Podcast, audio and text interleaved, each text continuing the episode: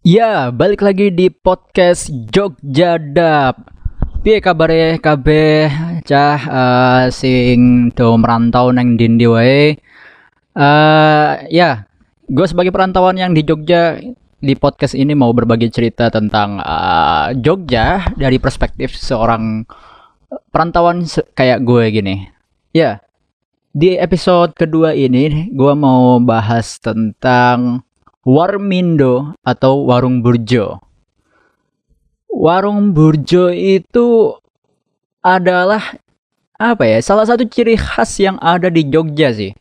Gua nggak nggak nggak bisa nemuin atau sulit ya mungkin menemukan warung burjo atau warmindo yang seperti di Jogja di kota-kota lain. Bahkan kalaupun ada tidak semenarik atau bahkan tidak seenak di, di Jogja gitu ya. Nah, Warmindo atau warung burjo itu menjadi idamannya setiap mahasiswa di Jogja ya dan perantauan-perantauan di Jogja. Karena ya harga yang relatif murah gitu ya dan warak gitu kenyang kenyang. Karena masih banyak beberapa burjo yang menjual nasi telur itu harga 7000 tapi memang hari-hari ini udah susah ya buat nyari warung burjo yang dengan nasi telur 7000 atau bahkan ada yang 6000 gitu itu udah susah banget sih. Sekarang rata-rata kalau nasi telur itu 8.000 atau ya sekitaran segitu lah, 8.000 ya, 9.000 dan kalau plus es teh kadang 10.000 gitu. Nah, yang menariknya juga kalau dulu zaman gua SMP di sini ya, warung burjo tuh nggak ada yang mewah-mewah coy. Tapi sekarang ini warung burjo itu udah udah udah kayak kafe hitungannya udah berkelas gitu udah banyak apa warung burjo tuh yang apa jualannya mahal. Kayak apa ya burjo Borneo salah satunya. Itu yang udah burjo yang kafe banget itu. Di situ lu bisa nemuin berbagai macam rasa Indomie yang lu pengen dan juga olahan-olahan uh, masakan yang berbeda gitu daripada burjo-burjo yang lain. Nah, ya uh, memang burjo itu banyak variannya sekarang ya. Warung burjo uh, tadi ada yang uh, mahal ada yang murah juga. Mungkin di beberapa apa ya burjo itu kayak menyesuaikan juga sebetulnya daerah kampusnya sih. Tapi juga nggak nggak nggak nggak gitu juga sih. Karena karena di di daerah UIN juga ada burjo Borneo yang agak mahal gitu levelnya. Uh, jadi kalau dulu sih memang itu menyesuaikan dengan wilayah di mana burjo itu ada ya. Kalau mungkin dulu di sekitaran UIN itu burjo itu pasti murah-murah deh. Nah sekarang sekitaran UIN udah juga banyak kafe kok. Jadi apa ya kelasnya tuh udah nyampur gitu lah uh, untuk uh, strata burjo itu. nah kalau bicara rasa nih, gua gua kan orang Sunda ya. Uh, gua kan keturunan Sunda dua dan dan dan apa uh, lidah gua ya udah terbiasa dengan masakan-masakan Sunda. Gua itu kadang suka merasa kesel atau nyesel bahkan kalau tahu ada warung burjo yang ternyata yang jualan itu orang Jawa. Yang jaga orang Jawa yang punya juga orang Jawa gitu. Itu tuh itu tuh mematahkan ekspektasi gue sebagai orang Sunda untuk jajan di warung burjo itu. Jadi uh, menurut gue ya, ini, ini pandangan gue sebagai uh, penikmat burjo. Kalau orang Jawa dan penjaganya Jawa pengen buka warung burjo, kalau bisa jangan dinamain warung burjo deh apa kayak namainnya yang lain gitu warung kopi apa warung kopi biasa gitu kan. Nggak usah dinamain warmindo gitu. Terus pakai uh, brandingannya tuh sama gitu warna warnanya warna indomie banget. Menurut gua jangan deh jangan begitu deh apa lu cari brandingan yang lain gitu. Karena karena di dalam setiap otak uh, manusia di Jogja warung burjo itu udah pasti orang Sunda yang jualan a a a a teteh teteh ya kan kita kan pasti selalu dong apa setiap datang ke Burjo A nasi goreng A, A nasi telur A gitu A magelangan A gitu kan pasti A A nah kadang gue suka kesel tuh ketika datang ke Burjo terus gue panggil A apa gue kadang-kadang kalau ke warung Burjo ya sukanya plus aja suka pakai bahasa Sunda gitu kan A apa uh, Magelangan hiji A gitu. Terus ketika dia nggak nggak ngerti bahasa gua ter dan ternyata dia orang Jawa, aduh dari situ gua ngerasa aduh ini nanti gimana ya masakannya? Ya udahlah bi biasanya gue nggak pernah ninggalin sih memang ya udah gue namanya juga orang lapar ya kan? Ya udahlah ya, ya, kita kita lihat aja ekspektasi rasanya yang dia bikin. Tapi rata-rata kalau ya ya mohon maaf banget ini orang kalau orang Jawa ya masak pasti beda rasanya. Bumbu yang dia racik itu beda dengan orang Sunda. Orang Sunda itu terkenal dengan uh, bumbu yang kuat di asinnya jadi kuat banget di rasa asinnya tuh orang Sunda. Uh, jadi eh, nggak uh, tahu ya apakah orang Sunda itu pecinta garam atau gimana. Tapi biasanya rata-rata kuat di asinnya dan juga sambelnya biasa agak lebih pedas tapi nggak sepedas orang Jawa Timur. Ini, ini, beda ya. Jadi orang Jawa yang gue maksud di sini mungkin rata-rata orang Jogja atau orang Jawa Jawa Tengah gitu yang jualan. Jadi dalam hal rasa itu buat gue yang lidah Sunda itu kurang nendang gitu. Ya itu ngaselin banget ketika gue datang ke Burjo itu terus gue panggil AA dan ternyata dia medok ya kan? Wah ini gimana itu kan? Karena di setiap otak manusia ya kan tadi yang gue bilang setiap otak manusia di Jogja udah pastilah namanya warung Burjo itu orang Sunda gitu yang jaga yang jualan yang punya itu pasti orang Sunda gitu.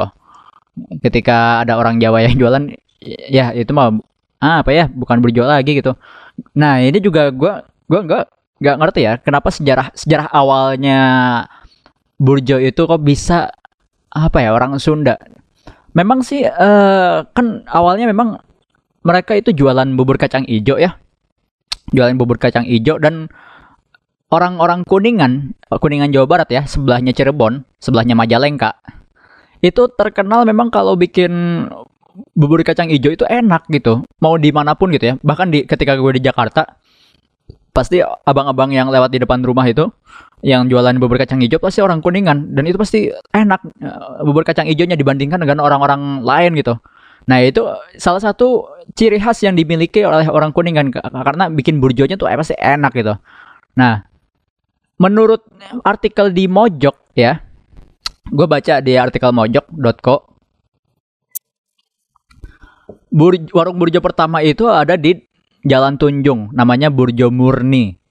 Uh, tapi gue juga nggak tahu ya apakah benar-benar itu uh, pertama kalinya Burjo tuh di situ atau enggak gitu. Tapi menurut yang gue baca sih di, di situ. Dan Burjo Murni yang di Jalan Tunjung itu udah udah legend banget. Yang yang menarik dari Burjo Murni itu ya, dia nggak jualan nasi sama sekali, blas ini gokil sih. Nggak ada burjo-burjo lain itu se seunik burjo murni. Bener-bener murni gitu loh. Dia jualan jualan burjo dan indomie. Udah nggak ada yang lain lagi. Bahkan dia nggak jualan minuman yang macem-macem. Nggak ada dia nggak jualan minuman yang macem-macem. Minumannya cuma jeruk sama teh putih. Udah tiga doang. Ya kan? Dan ya jualan dia cuma burjo ketan hitam uh, Indomie. Nah, Indomie juga cuman tiga doang kan? Indomie goreng, soto sama bawang. Terus sama gorengan. Nah, ngomong-ngomong gorengan di apa di uh, Burjo Murni itu enak banget serius gorengannya. Itu uh, kalau lu datang ke situ gorengannya tuh enak banget dan selalu entah kenapa ya selalu ketika lu ngambil itu selalu kondisinya tuh hangat gitu. Uh, jadi selalu diupdate uh, gorengan di Burjo Murni. Jadi uh, ya itu adalah Burjo yang legend. Dia tidak menjual nasi sama sekali. Gue gue beberapa kali ke sana tuh uh, pengen makan magelangan tapi nggak ada gitu. Nggak jualan nasi. Pengen mesen nasi telur nggak ada juga. Nggak ada nggak ada. Kalau lu mau pengen telur ya di Indomie. Gitu. Dia ya itu adalah burjo yang unik lah gitu. Tapi ramai banget loh apa si burjo murni ini. Bahkan mungkin orang-orang dari jauh juga banyak yang datang ke situ kali ya uh, ke Burjo Murni karena saking saking legendnya saking uniknya itu Burjo gitu. Nah, terus kalau bicara rasa tadi selain uh, orang kuningan jago bikin bubur kacang hijaunya yang enak banget dibandingkan dengan orang-orang lain gitu ya nggak tahu kenapa uh, apakah mungkin mereka punya resep rahasia atau enggak gitu nah kalau lu pengen tahu warung burjo yang enak itu kayak gimana? menurut gua nih ya menurut gua warung burjo yang enak itu bisa dirasakan dari magelangannya coy. Eh beneran. Jadi beneran. Magelangan itu menentukan ini warung burjo masakannya enak apa enggak. Nah sejauh ini uh, warung burjo yang magelangannya enak itu burjo gejos mau di gejos yang di mana Baciro atau gejos yang di dekat UIN. Itu magelangannya tuh enak. Bener. Nah itu menunjukkan bahwa masakan-masakannya yang lain dia pasti enak gitu. Udah udah barang tentu gitu. Karena ada ya a a a, a burjo yang bikin magelangan tuh ada yang nggak enak. Nggak enaknya tuh misalkan apa? Satu indominya kematangan coy. Si mie dimasak kematangan. Jadi menurut gue ya uh, eh, gue pernah nyobain juga bikin magelangan meskipun tidak seenak seenak uh, di uh, burjo jadi menurut gue si Indomie gorengnya itu, nah ini harus pakai Indomie goreng coy, nggak bisa nggak bisa pakai Indomie ayam bawang. Jadi si Indomie gorengnya itu dimasak setengah mateng. Karena apa? Ketika lu masak setengah mateng, direbus setengah mateng, ya kan kan nanti kan digoreng lagi jadi mateng kan. Ya, itu intinya. Nah, banyak AAA di sana nggak jago bikin magelangan yang enak tuh gara-gara Indominya kematangan coy. Jadi ketika lu masak bareng nasi digoreng itu jadi benyek jadi benyek banget gitu. Jadi nggak e nggak enak gitu. Satu itu yang bikin nggak enak. Terus yang kedua adalah lu nggak masukin bumbu indominya ke nasi yang lu goreng si magelangannya kagak dimasukin. Jadi cuman pakai menggunakan apa namanya uh, bumbu nasi goreng biasa aja. Justru tingkat keenakannya itu tuh ada di ada di bumbu indominya ketika lu masukin bumbu indomie goreng ke dalam nasi magelangan yang lu olah dan juga bumbu nasi goreng yang biasa itu akan nikmatnya luar biasa. Ya kan nah uh, dan itu satu. Terus yang berikutnya lagi yang menunjukkan Magelangan itu nggak enak adalah uh, bukan ternyata bukan Indomie goreng yang dimasak. Itu ternyata adalah mie yang lain. Mie mie apa ya namanya?